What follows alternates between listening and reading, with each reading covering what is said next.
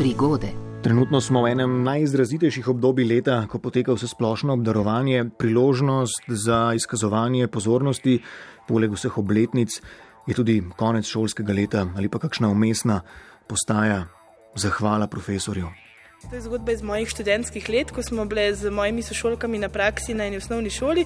In seveda, ker imaš dobro mentorco, se na koncu odločiš, da ji boš dal eno pač preprosto darilce, tako malo skromno v zahvalo. Monika je sogovornica, tokratna zgodba pa je o besednem nesporazumu. Gre pa takole: kupovali so torej darilo mentorici in v tistem času ob neki priložnosti v mestu naleti na kolegico, s katero se zapletete v pogovor o tem darilu. Nastal je zanimiv resničen dialog ob spremljavi publike. Podko besede nanese, pa pač povem, ne. Ja, smo rekli, bomo naši mentorci kupili eno lončnico. Pa tako res čist nepričakovan odziv moje sošolke, tako kar malo stopila nazaj. Pa tako, kaj, kako pa to, eno lončnico, ja, kako pa ste prišli na to idejo, to je pa ful izvirno, v bistvu, ful ne navadno. Tako, ja, noč posebenega, ne pač slišali smo, da jih ima rada, pa smo rekli, da bomo eno kupili, a ne. Pa ona tako menijo, kakšno pa. Je pa jaz jo eno navadno, zdaj ne bomo neki full zbirčne. Ne?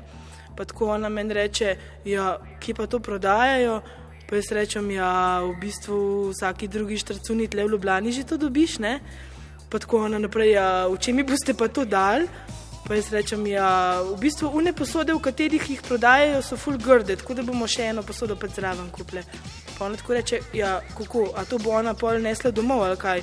Pa jaz ko rečem, ja, v bistvu lahko nese domov, lahko ima pa tudi na katedru pred sabo. Pa tako ona reče, ja, kako, ja, nima to roka trajanja. Pa jaz rečem, ja, v bistvu skrbeti moraš za primerno vlago, pa temperaturo, pa zalivati moraš.